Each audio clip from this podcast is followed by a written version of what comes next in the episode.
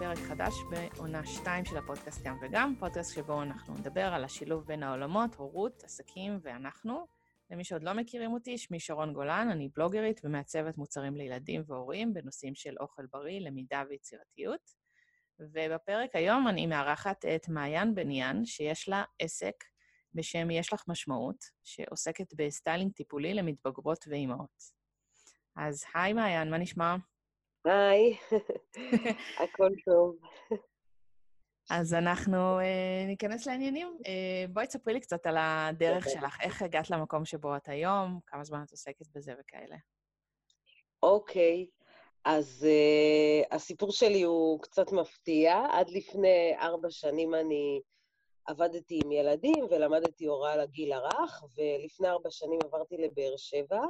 אמהמ. אה, התחלתי ככה לחפש עבודה והתקבלתי לעבוד במקלט לנערות בסיכון.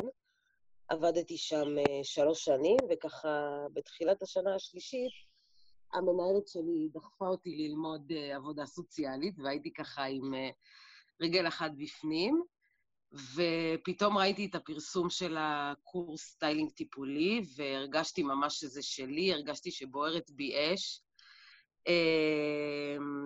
ואז בעצם החלטתי לוותר על לימודי עבודה סוציאלית וללכת ללמוד סטיילינג טיפולי. ובאמת אני מרגישה שזה הייעוד שלי. החלטתי להתמחות במתבגרות ואימהות מהמקום שלי כאימא, שאני מגדלת את הבת שלי שהיא בת 16. מאז שהיא בת חצי שנה אני התגרשתי ואני מגדלת אותה לבד, אז בעצם אחד הדברים ש... שהכי חשובים לי בקשר איתה זה הקשר, שיהיה פתוח ובטוח, ובאמת גם בעבודה שלי במקלט, אני ראיתי שהרבה מהנערות הגיעו אלינו בגלל קשר לקוי עם האימהות שלהם. אז מהמקום הזה אני החלטתי להתמחות במתבגרות ואימהות, ולתת אה, דגש גם על חיזוק הקשר וגם כמובן אה, דרך העבודה של הסטיילינג, זה, זה תחום מאוד מרתק. כן, נשמע מאוד מעניין. אז בעצם את בארבע שנים האחרונות עוסקת בזה? לא, ש... אה... אה לפני שנה סיימתי את הקורס אה, ופתחתי אוקיי. את העסק. מגניב. קצת לפני ש... שסיימתי. אז מה בעצם ה... בדרך כלל אני שואלת מה היה החזון שלך, כי זה... לרוב מי שמגיע זה עסקים כאלה ותיקים של, את יודעת, עשר שנים ומעלה. אה, אז באמת רואים את ההבדל בין החזון בהתחלה להמשך, אבל דווקא פה מעניין אותי לדעת מה, מה החזון שלך להמשך. איך את רואה את העסק גדל, איך הוא היום לעומת מה שהוא היה ממש בהתחלה שלו. אוקיי, אז uh, היום באמת אני הרבה יותר ממוקדת, ואני יודעת מה אני רוצה, שזה גם חשוב. כן. Uh, הדבר שאני הכי הכי רוצה לעשות זה להעצים נשים ונערות, להעלות להם את הביטחון, ובאמצעות הבגדים זאת באמת דרך מדהימה לעשות את זה. Uh, לעבוד על נוכחות, על ביטחון עצמי, על, uh, על דימוי גוף. אמ, ומה עוד, עוד שאלת אותי? שכחתי. איך את רואה את זה קדימה? כאילו, 아, אה, אוקיי. מבחינת אז השירותים באמת... השונים, איך, איך את עובדת על זה, איך את מפתחת וכאלה.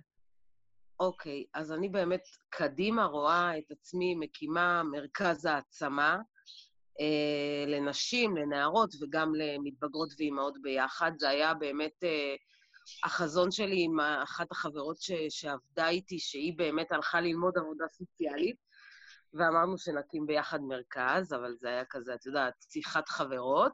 כן. אה, אבל זה באמת החזון שלי, מרכז העצמה, מקום שיהיו בו גם פעילויות למתבגרות ואימהות, ומקום כזה לבוא ולחזק את הקשר ולפרוק ולעבוד על דברים שמפריעים להם. אה, זה בגדול החזון. נשמע מדהים. ובאיזה אזור זה? תודה. בבאר שבע אני גרה. אוקיי, מעולה. אמ, אז איך את מתמרנת בין כל הדברים השונים שאת עושה? את גם בעלת עסק, גם אימא למתבגרת? איך, אה, איך את עושה את הכל? אוקיי, אז קודם כל, אמ, אני דואגת לעצמי לבוקר שהוא בעצם אה, יטעין אותי למהלך היום. אז אני באמת מתעוררת מאוד מוקדם, בסביבות שש, ועושה כזה שעה עם עצמי אה, של כתיבה, של שמיעת מוזיקה, לפעמים יוצאת להתבודד, Uh, אני יוצאת להתאמן כל בוקר, ואני, היום לא, היום, יום שלישי זה היום היחיד שאני לא מתאמנת בבוקר. מדהים. Uh, כן, זה, זה ממלא אותי, זה עושה לי טוב, ואני לא מוותרת על זה. Uh, איך אני מתמרנת? אז אני... פשוט הלו"ז שלי הוא מאוד גמיש, בגלל שאני עצמאית. אה, יש ימים שהבת שלי כבר גדולה, אז יש ימים שאני לא נמצאת בבית אחרי צהריים, אז היא מבינה את זה, והיא כאילו עסוקה בדברים שלה, לא כל כך מפריע לה. אבל כן, אני מאוד משתדלת uh, כל יום לשבת איתה ולשמוע מה היה. Uh, אנחנו יושבות בחצר, מדברות, יש לנו גם כלבים, אז אנחנו ככה, את יודעת, גם עם הכלבים, גם מדברות בינינו, לפעמים יוצאות לטייל כאן בשכונה. עם הכלבה או לבד. אה, אבל מה שכן, אני אף פעם לא מוותרת על הדברים שעושים לי טוב, וזה בעצם התחזוק שלי. לגמרי צודקת. האמת שגם אצלי זה ככה בשנים האחרונות, כאילו עכשיו הילדים כבר טיפה יותר גדולים, אז יש לי יותר זמן אה, לקחת את הזמן אה, בבוקר גם לעשות דברים, אחרי שהם מפזרת אותם למסגרות. אה, אז גם יש את השגרה של הכושר ומדיטציה וזה, יש כאילו רוטינה כזאת קבועה, וזה כל כך כיף, זה כל כך ממלא את היום באנרגיות אחרות ומפוקסות יותר. אז אני מה זה נכון, מבינה אותך. אמ, אז איך... אמ, האמת שנורא מעניין אותי, כי אני כאילו, את יודעת, יש לי ילדים קטנים עדיין, הבנות בנות שש וחצי והקטן בן ארבע וחצי, אז זה כאילו... נראה לי מאוד רחוק גיל 16. אמ, אז בעצם, איך, איך את מתפעלת את, ה, את הקשר? איך את שומרת על קשר שיהיה חם ואוהב גם בגילאים האלה, שהם יותר רוצים את העצמאות ויותר צריכים את הספייס שלהם? אוקיי, אז... אוקיי, אז באמת כשאוריה הייתה בת 12 אה, והתחיל גיל ההתבגרות, אז uh, היה לי קצת קשה עם ההסתגרויות שלה בחדר.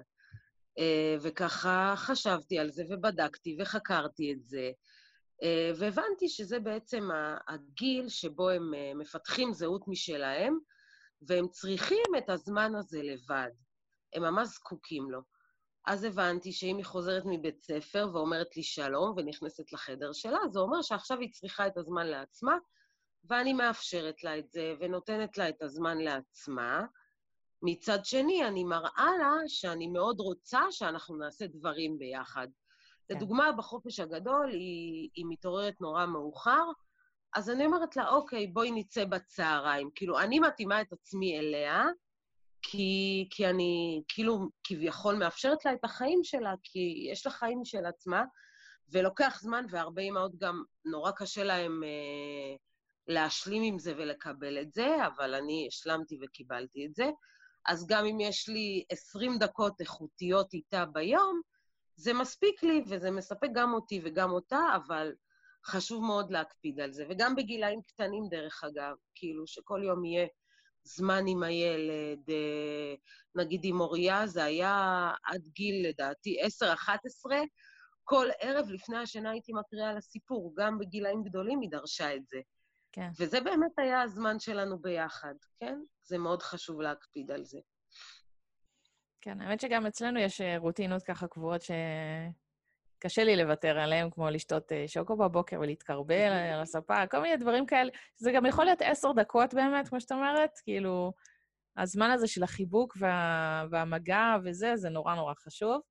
נכון. אה, וגם אני מאוד גמישה עם הזמן שלי, כאילו, אני עובדת עד הצהריים, לוקחת אותם וזה, אז כאילו, אני מנסה לחשוב איך זה יהיה קדימה, כשהם יהיו קצת יותר עצמאיים, יביאו את עצמם בחזרה מהבית, מהבית ספר, כאילו... אז לך כל פעם משחרר עוד טיפה את הרצועה של, של כן. הקשר. לגמרי, לגמרי. אה, אז ספרי קצת על התהליך שאת עושה עם המתבגרות, איך הגעת לזה, איך... אה, מה, מה בעצם קורה שם? אוקיי, אז בגדול, אה, כל אחת מהבנות שלמדו את הקורס בחרו תחום התמחות, כי, כי כל אחת לקחה את זה באמת למקום האישי שלה, וזה מדהים לראות את זה. אה, וגם עשיתי אה, כמה הדרכות אישיות עם אה, עדי לנדאורון, זאת שלימדה אותנו, ופיתחה את השיטה. ולקחתי את זה למקום, עוד פעם, של העצמה כמובן, אז לדוגמה, בשנה שעברה אני העברתי קבוצות תהליכיות לנערות. אה, אז כמעט ולא היו בגדים במפגשים שלנו, ולא דיברנו הרבה על הסטיילינג עצמו וטיפים, אלא דיברנו על אה, דימוי הגוף שלנו, ואידיאל היופי, ואיך אנחנו מביאות את עצמנו לידי ביטוי למרות אידיאל היופי. זה בעצם לתת להן מקום, כי כולן רוצות ללבוש מותגים, וכולן uh, רוצות את הנעליים הספציפיות האלה, אבל בכל זאת, איך אני מביאה את עצמי לידי ביטוי ולא נראית כמו כולן?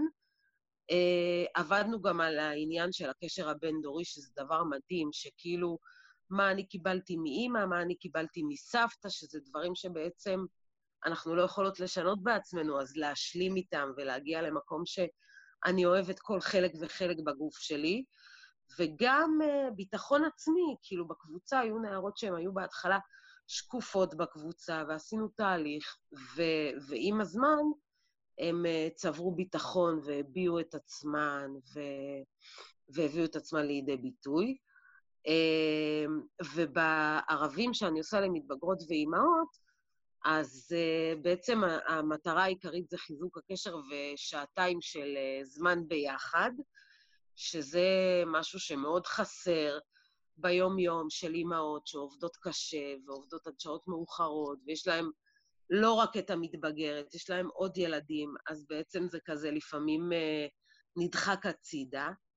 אה, הזמן עובר, ובעצם אה, הרבה אימהות שאני מדברת איתן אומרות לי שהן מרגישות שהן מפספסות את הבת שלהן. אז אה, זאת המטרה העיקרית ש, של זמן ביחד. אה, אז אנחנו עושות סדנת, סדנת סטיילינג ממש קצרה של עשר דקות שאני מסבירה משהו ספציפי, ואז הן בעצם מאפרות, מלבישות, מסרקות אחת את השנייה, וזה ממש כיף לראות אותן ביחד, אה, עושות כל מיני דברים ונהנות מהבגדים ומכל הדברים שאני מביאה איתי. ואחר כך בעצם יש פעילויות מחברות שהן לא קשורות לסטיילינג דווקא. זה לכתוב מחמאות ותודות אחת לשנייה, זה לרקוד קצת ביחד, זה להיות בזמן כזה של קפה ושיח, שזה... ו- וגם הבאתי לערב הזה דברים שהן יכולות לאמץ ולעשות אותם ביום-יום.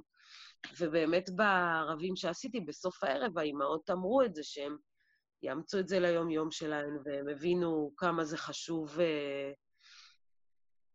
ליצור את הזמן הזה, והודו לי ש... שבאמת אפשרתי להם את השעתיים האלה, כי, כי זה משהו ש... לא קורה הרבה. כן. האמת שזה נשמע מדהים, כאילו, את יודעת, אנחנו מסתכלים הרבה על המתבגרים ב, בשכונה שלנו וזה, כאילו, רואים איך, איך הם מתנהלים, איך הם מתנהגים, מה שונה במתבגרים של היום לעומת איך שאנחנו היינו בתור uh, מתבגרים לפני 20 שנה.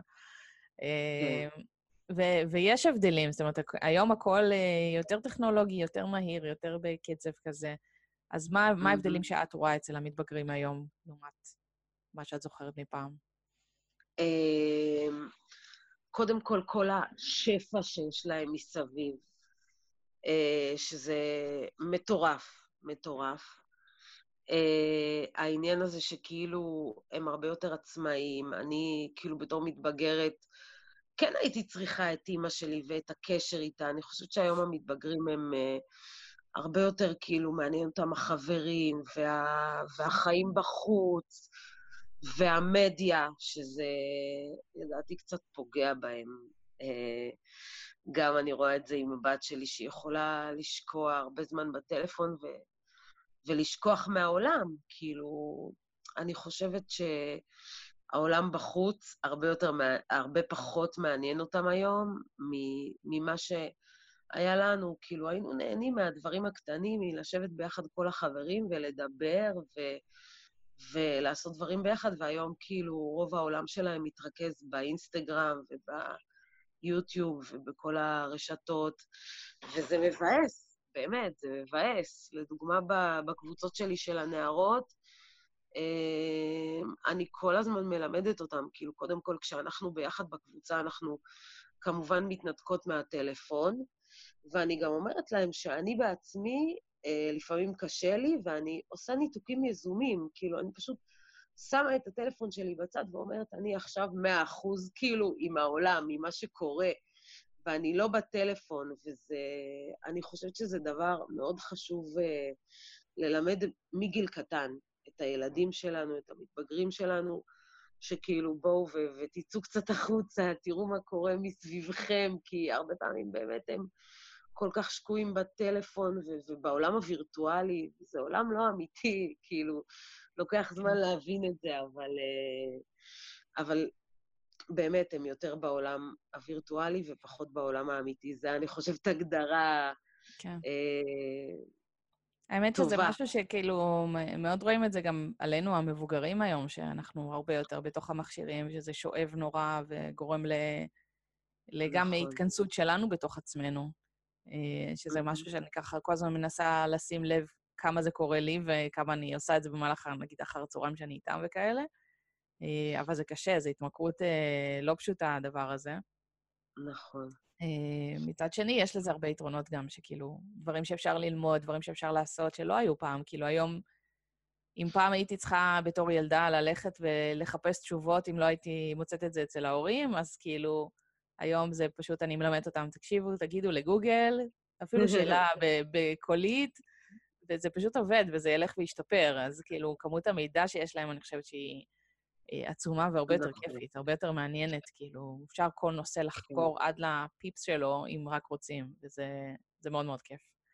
נכון, אבל את יודעת, בעניין של גוגל, הבת שלי השבוע באה ואמרה לי, אה, יש לי משהו לשאול אותך, אני יכולה לכתוב את זה בגוגל, אבל אני יודעת שממך אני אקבל תשובה הרבה יותר טובה. שזה, שזה היה לי מדהים, כאילו, ש, שהיא עשתה את זה, את יודעת, כי היא משהו באמת, ב, ב, בעיקר בתחום של ההתבגרות והמיניות וכל הדברים האלה שמעסיקים אותם, אז היא באמת באה אליי ושואלת אותי, היא מרגישה חופשי לבוא ולשאול אותי, שזה מדהים בעיניי. מדהים, כן. כן. אנחנו עוד לא במקומות האלה, אבל אני ככה הרבה חושבת על מה יהיה, ואיך זה ייראה, ומה נגיד, ומה נעשה, ויש כאילו דברים שהם אה, נורא קטנים שאני רואה כבר עכשיו, שככה ניצנים של ההתבגרות וההשפעה של החינוך שלנו בבית. אה, אבל זה לגמרי כאילו נושא ששווה להקדיש עליו את הדעת, גם הזוגית והאישית, ולהבין מה אנחנו כמשפחה, איזה דרך אנחנו רוצים להתוות קדימה. נכון, לגמרי, ו- וזה לגמרי, הבית הוא הבסיס הכי חשוב, הכי חשוב. וגם מה שהיא אמרה לך, האמת, על הקטע של התשובה שלך, כי אני חושבת שכמה שגוגל הוא שופע ומלא מלא במידע, חלק מהמידע בו כמובן לא נכון או לא מדויק, אבל גם כן. הרבה ממנו לא מותאם אלינו אישית. זאת אומרת, התשובה יכולה להיות mm. נכונה מאוד למישהו אחר, אבל לא לנו. וההיכרות כן. הזאת היא האישית של האימא או ההורה עם הילד, וההבנה של מה שהוא עובר ומה שעבר עליו עד הנקודה הזאת, אה, מאוד מאוד עוזרת. לזה. נכון. אז, אה, אז ספרי איך, אה, איך האימהות שלך שינתה אותך. כי אוקיי. ככה כבר עמוק לתוך התהליך של האימהות ועם המון ניסיון, מה, מה זה עשה לך? אמ, אז קודם כל, אני, כמו שאמרתי, מגדלת את הבת שלי לבד מאז שהיא תינוקת. אז אה, קודם כל זה המון משמעות בחיים, כי היו לי תקופות לא פשוטות בחיים שלי, וימים שלא היה בא לי לקום בבוקר, אבל יש לי ילדה, אז אני מחויבת ואני קמה ואני מטפלת בה, ואני דואגת לה לכל הצרכים שלה. אמ, וזה עשה אותי הרבה יותר קשובה ומכילה, כי, כי היה לי ממש ממש חשוב, מאז שהיא קטנה, אמ, להיות שם בשבילה ו, ולהקשיב ולהבין מה עובר עליה. אמ, כי ילדים ש... שאולי פחות uh, סומכים על ההורים שלהם, אז הם מחפשים את זה בחוץ, ולא רציתי שהיא תחפש את זה בחוץ. Um, רציתי שהכל יהיה, שכאילו אני אהיה הכתובת הראשונה עבורה. כמובן שיש אנשים משמעותיים בחיים שלה, וזה בסדר מבחינתי, כאילו שהיא נגיד אוהבת את המורה שלה ויש להם קשר מדהים, אבל uh, שהיא תדע שהיא תמיד יכולה לפנות אליי. זה באמת כן. הדבר העיקרי, ואני נותנת כאן גם, גם טיפ להורים אחרים, שמה שליווה אותי באמת מאז שהיא קטנה, זה שכל פעם שהיא באה אליי לספר לי משהו, או שהיא עשתה משהו שלא מצא חן בעיניי, אז אני לא הגבתי מיד. אני משהה את התגובה שלי, לפעמים אני אפילו אומרת לה, אני צריכה לחשוב על זה. כי לשבת עם עצמי ולאבד את מה שקרה או את מה שהיא סיפרה לי, ובעצם לא להגיב מהבטן, להגיב ממקום אחר, ממקום שחשבתי, ו, וככה, זה, זה מאוד עוזר, זה, זה הבסיס לזה שהילדים שלכם יספרו לכם דברים. כי אם מגיבים מיד, ויש הורים שכאילו מהבטן מגיבים קשה, ואני בתור אה, נערה חוויתי את זה עם אימא שלי, אמ, אז, אז פשוט הילד אה, מפסיק לבוא ולספר, ואז הוא מוצא פתרונות בחוץ, שזה כן. לדעתי לא טוב, כאילו ש, שהם אה, לא משתפים את ההורים, ואז בעצם האימהות, בעיקר האימהות, למתבגרות ומתבגרים, קשה להם מאוד עם זה בגיל ההתבגרות, שהם לא יודעים מה עובר על הילדים שלהם. אז uh, זה ככה גם טיפ ממני תוך. כן. כדי. אז איך באמת את uh, מצליחה לחדור את המעטה הזה של גיל ההתבגרות, שבדרך כלל הם מאוד uh, מכונסים וזה? כאילו, מה, מה הטיפים שלך להורים? Uh, איך לשמר את הקשר הזה חם ואוהב, ושכן uh, פתוח ומספרים ולא מסתגרים בתוך עצמם או הולכים למקומות אחרים? אוקיי, אז קודם כל, אה, לא להילחם, כאילו, אם ההורים רואים שהילד שלהם אוהב להסתגר הרבה, להבין שזה לגיטימי והגיוני. קודם כל, כאילו, להסיר את זה מה... לפעמים הורים מפחדים, חוששים, אז להסיר את החששות האלה, שזה לגיטימי והגיוני. אה, כמובן שאם זה נראה יותר מדי אה, מוגזם, אז אפשר להתייעץ עם מנחת הורים. גם אני, יש לי חברה שהיא הייתה איתי באיזשהו קורס, באיזשהו קורס והיא מנחת הורים, ואני לפעמים פונה אליה ושואלת אותה שאלות לגבי הבת שלי. גם אני בתור אשת מקצוע לפעמים צריכה עזרה. כן. אמ, אז, אז בעצם גם לאפשר להם, ומצד שני, להיות עם יד על הדופק ו... ולבדוק מה קורה איתם. לא לתת להם ימים שלמים להסתגר ולא, ולא לתקשר איתנו, ולא, נגיד, להקפיד על זה שהם יבואו לפחות לארוחה אחת עם המשפחה, ולהיות בלי הטלפון בארוחה הזאת. כאילו דברים ש, שבעצם לעצור רגע, להוציא אותם מההסתגרות הזאת, אבל כמובן לא בכוח, אלא להגיד להם, נגיד, בשעה שש יש ארוחת ערב, אז אתה תבוא ותהיה עם כל המשפחה בארוחת ערב. Uh, בשעה חמש אנחנו יוצאים ביחד, כל המשפחה, ל... לא יודעת, למסעדה, לבאולינג, ל... כאילו לקרב אותם ושיהיו עדיין חלק, שיקחו חלק במשפחתיות, וגם זמן איכות ביחד זה מאוד חשוב. זה יכול להיות כאילו הורים שיש להם כמה ילדים, אז אפשר uh, לקבוע uh, יום בשבוע עם ילד, שיושבים חצי שעה, uh, אפשר גם לצאת החוצה אם יש זמן לזה. Uh, בעצם תמיד לראות את הילד ואת הצרכים שלו, ו... ולהיות עם יד על הדופק, כדי שלא. לאבד אותם בעצם. זה משהו שאני ככה מאוד uh, התקשיתי בו בהתחלה, כאילו, הם עדיין פיצים, והם שלושתם תמיד ביחד. אז uh, למצוא את הזמן לעשות uh, כזה את הפאוזה עם כל אחד, ולמצוא את הדקות האלה שיש פתאום שקט לשבת עם uh, זה, אבל עכשיו זה יותר קורה, כי יש פתאום חוג, ויש פתאום שיעור העשרה, ויש, כאילו, יש את הנקודות זמן האלה, שפתאום אני נשארת עם ילד או ילדה אחד או אחת, וכאילו, יש לי את הזמן הזה. ואז אני מנסה לחשוב מה אני יכולה, אפילו אם זה סתם, יצא לנו אפילו סתם לשבת ביחד, כל אחת עם הטלפון, הטאבלט שלה, אבל אנחנו יושבות ביחד, בשקט. Mm-hmm. כל אחת יש לה את הספייס נכון. שלה לעשות את מה שהיא אוהבת. זה גם מאוד נחמד, וכאילו, אני כן מנסה לעשות, אה, את יודעת, לשמור על, על תקשורת פתוחה ולנסות להבין מה עובר עליהם, ואם פתאום יש גיבוש ולא בא לה ללכת, כל מיני דברים כאלה, אז כאילו לנסות להבין ממה זה נובע. Mm-hmm. אבל את יודעת, יש גבול גם לכמה אפשר אה, להטיף ולחפור להם.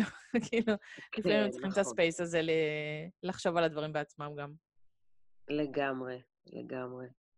כן. אמ, אז אם אנחנו ככה דיברנו על מתבגרות ו- וילדים צעירים וזה, איך, אה, מה, מה הדברים שבעצם את יכולה לייעץ להורים, לילדים קטנים יותר, שיכולים לעזור להם בדימוי הגוף שלהם, הדימוי העצמי שלהם, לגדול להיות בעצם את אותם מתבגרים שכן סומכים על עצמם ואוהבים את עצמם ו...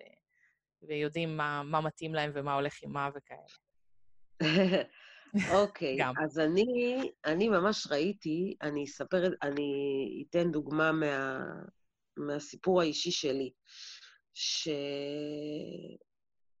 uh, לפני שבע שנים אני הייתי שמנה ואני עשיתי ניתוח קיצור קיבה, uh, וגם כשרזיתי, עדיין uh, הדימוי גוף שלי לא היה uh, כמו שחשבתי שיהיה. עדיין כאילו היו חלקים בגוף שלי שלא אהבתי, והייתי עומדת מול המראה, ו... ולא כל כך אוהבת את מה שאני רואה במראה, אה, ואומרת לעצמי גם כל מיני דברים, והבת שלי הייתה שומעת את זה, ועושה בדיוק את אותם דברים. אה, ואני עברתי שני תהליכים מאוד משמעותיים, שאחד מהם זה אה, תוכנית לשחרור מאכילה רגשית, והשני זה הקורס של סטיילינג טיפולי, ובעצם בשני התהליכים האלה למדתי להשלים עם הגוף שלי, אה, ולאהוב את עצמי כמו שהוא. דרך אגב, בהתחלה העסק שלי נקרא כמו שאת, ואז החלפתי לו את השם. אמ, ובעצם, כאילו, אני ראיתי שכשאני הייתי הרבה יותר שלמה עם הגוף שלי ואוהבת אותו, אה, גם הבת שלי, אותו דבר, היא מבסוטית על עצמה, ושתינו נשארנו אותו דבר, כן? אני לא רזיתי והיא, הגוף שלה, את יודעת, היא עדיין נערה והוא מתפתח, אבל נגיד יש לה בטן, אז היא כל הזמן הייתה כאילו אה, במראה, אה, מתלוננת על הבטן שלה. אז, אה, אז באמת, כאילו, אני חושבת שזה ההורים, אה, ובעיקר האימהות, להנחיל לילדים שלהם, כאילו, אהבה עצמית, לעמוד מול המראה ולהגיד לעצמך אה, כמה את אוהבת את עצמך וכמה את יפה, ואם יש לך איזה חלק בגוף שזה נקרא תרגיל הסטת המבט, אותו למדתי מיעל בתוכנית לשחרור מאכילה רגשית. יעל אה, רופמן, למי שלא מכיר, או כן, עכשיו יעל אלון. כן, את מכירה אותה? נכון, כן, כן, בטח. מכירה אותה? כן. כן, וואי, מדהימה. מקסימה. אנחנו נשים קישור גם לזה, לאתר שלנו. וואלה, כן. האמת שהתחומים שלנו הם הרבה פעמים נושקים. כן. כי נשים שבאות אליי לתהליך אה, אישי, שעל זה לא דיברנו, אבל אה, אני אומרת את זה בסוגריים, שכמעט כל אישה שאני מדברת איתה אה, מתגלה איזושהי אכילה רגשית. בטח. אז אני הרבה פעמים באמת מפנה ליעל, כי, כי היא אישה מדהימה, נדירה.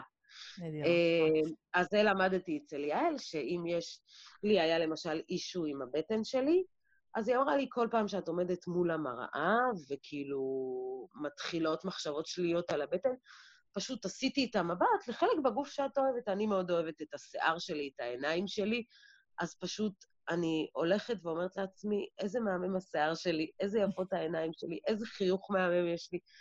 ובעצם שבועיים של תרגול כזה מול המראה, אה, הפסיקו את, ההלקאות האלה על הבטן.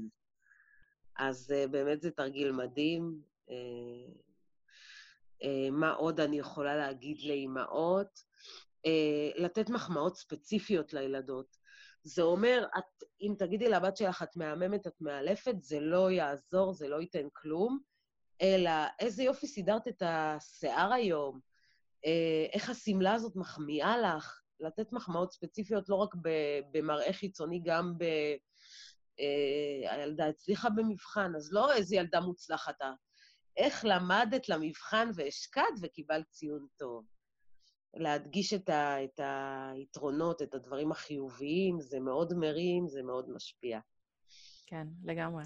האמת שזה אחד הדברים שאהבתי בבית ספר שהם עכשיו התחילו, הבנות, אה, שהם כבר מההתחלה, כאילו באספות הורים הראשונות, עוד לפני שהתחילו הלימודים, דיברו על זה שזה בית ספר ש...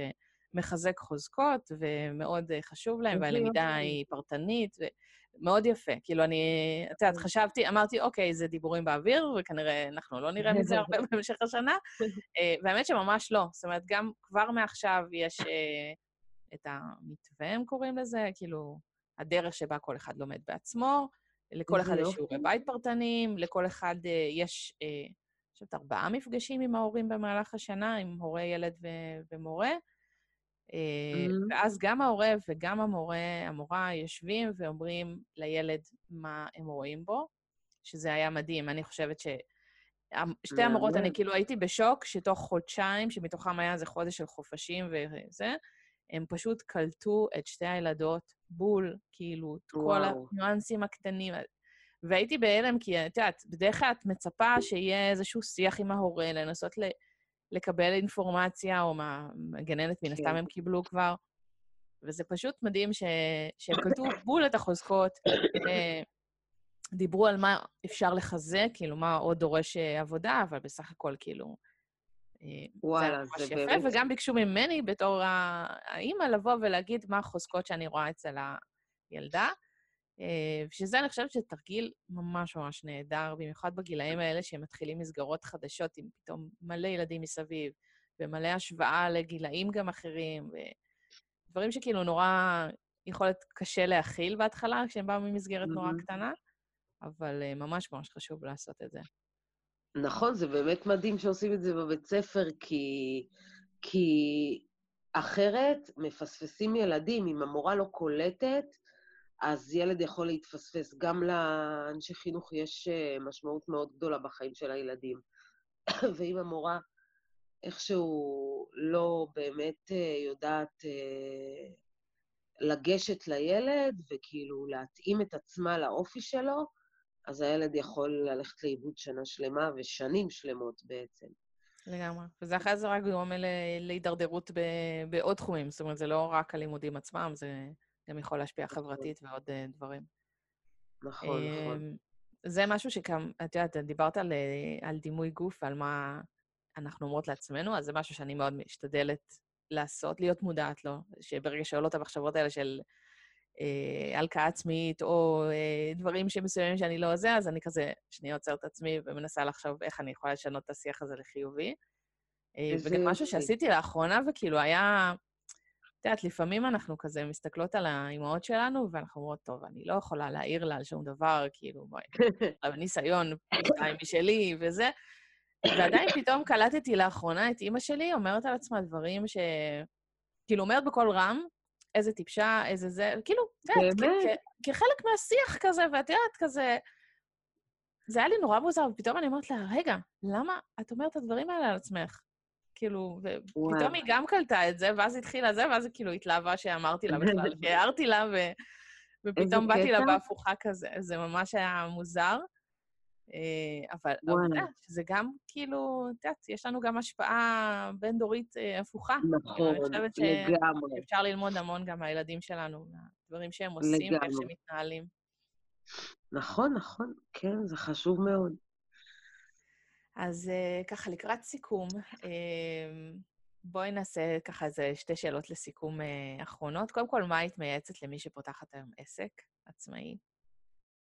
אוקיי, uh, אז קודם כל, לבדוק טוב טוב טוב מה הצריכה, כי לפעמים אנחנו, השוק היום מוצף ביועצים עסקיים וב...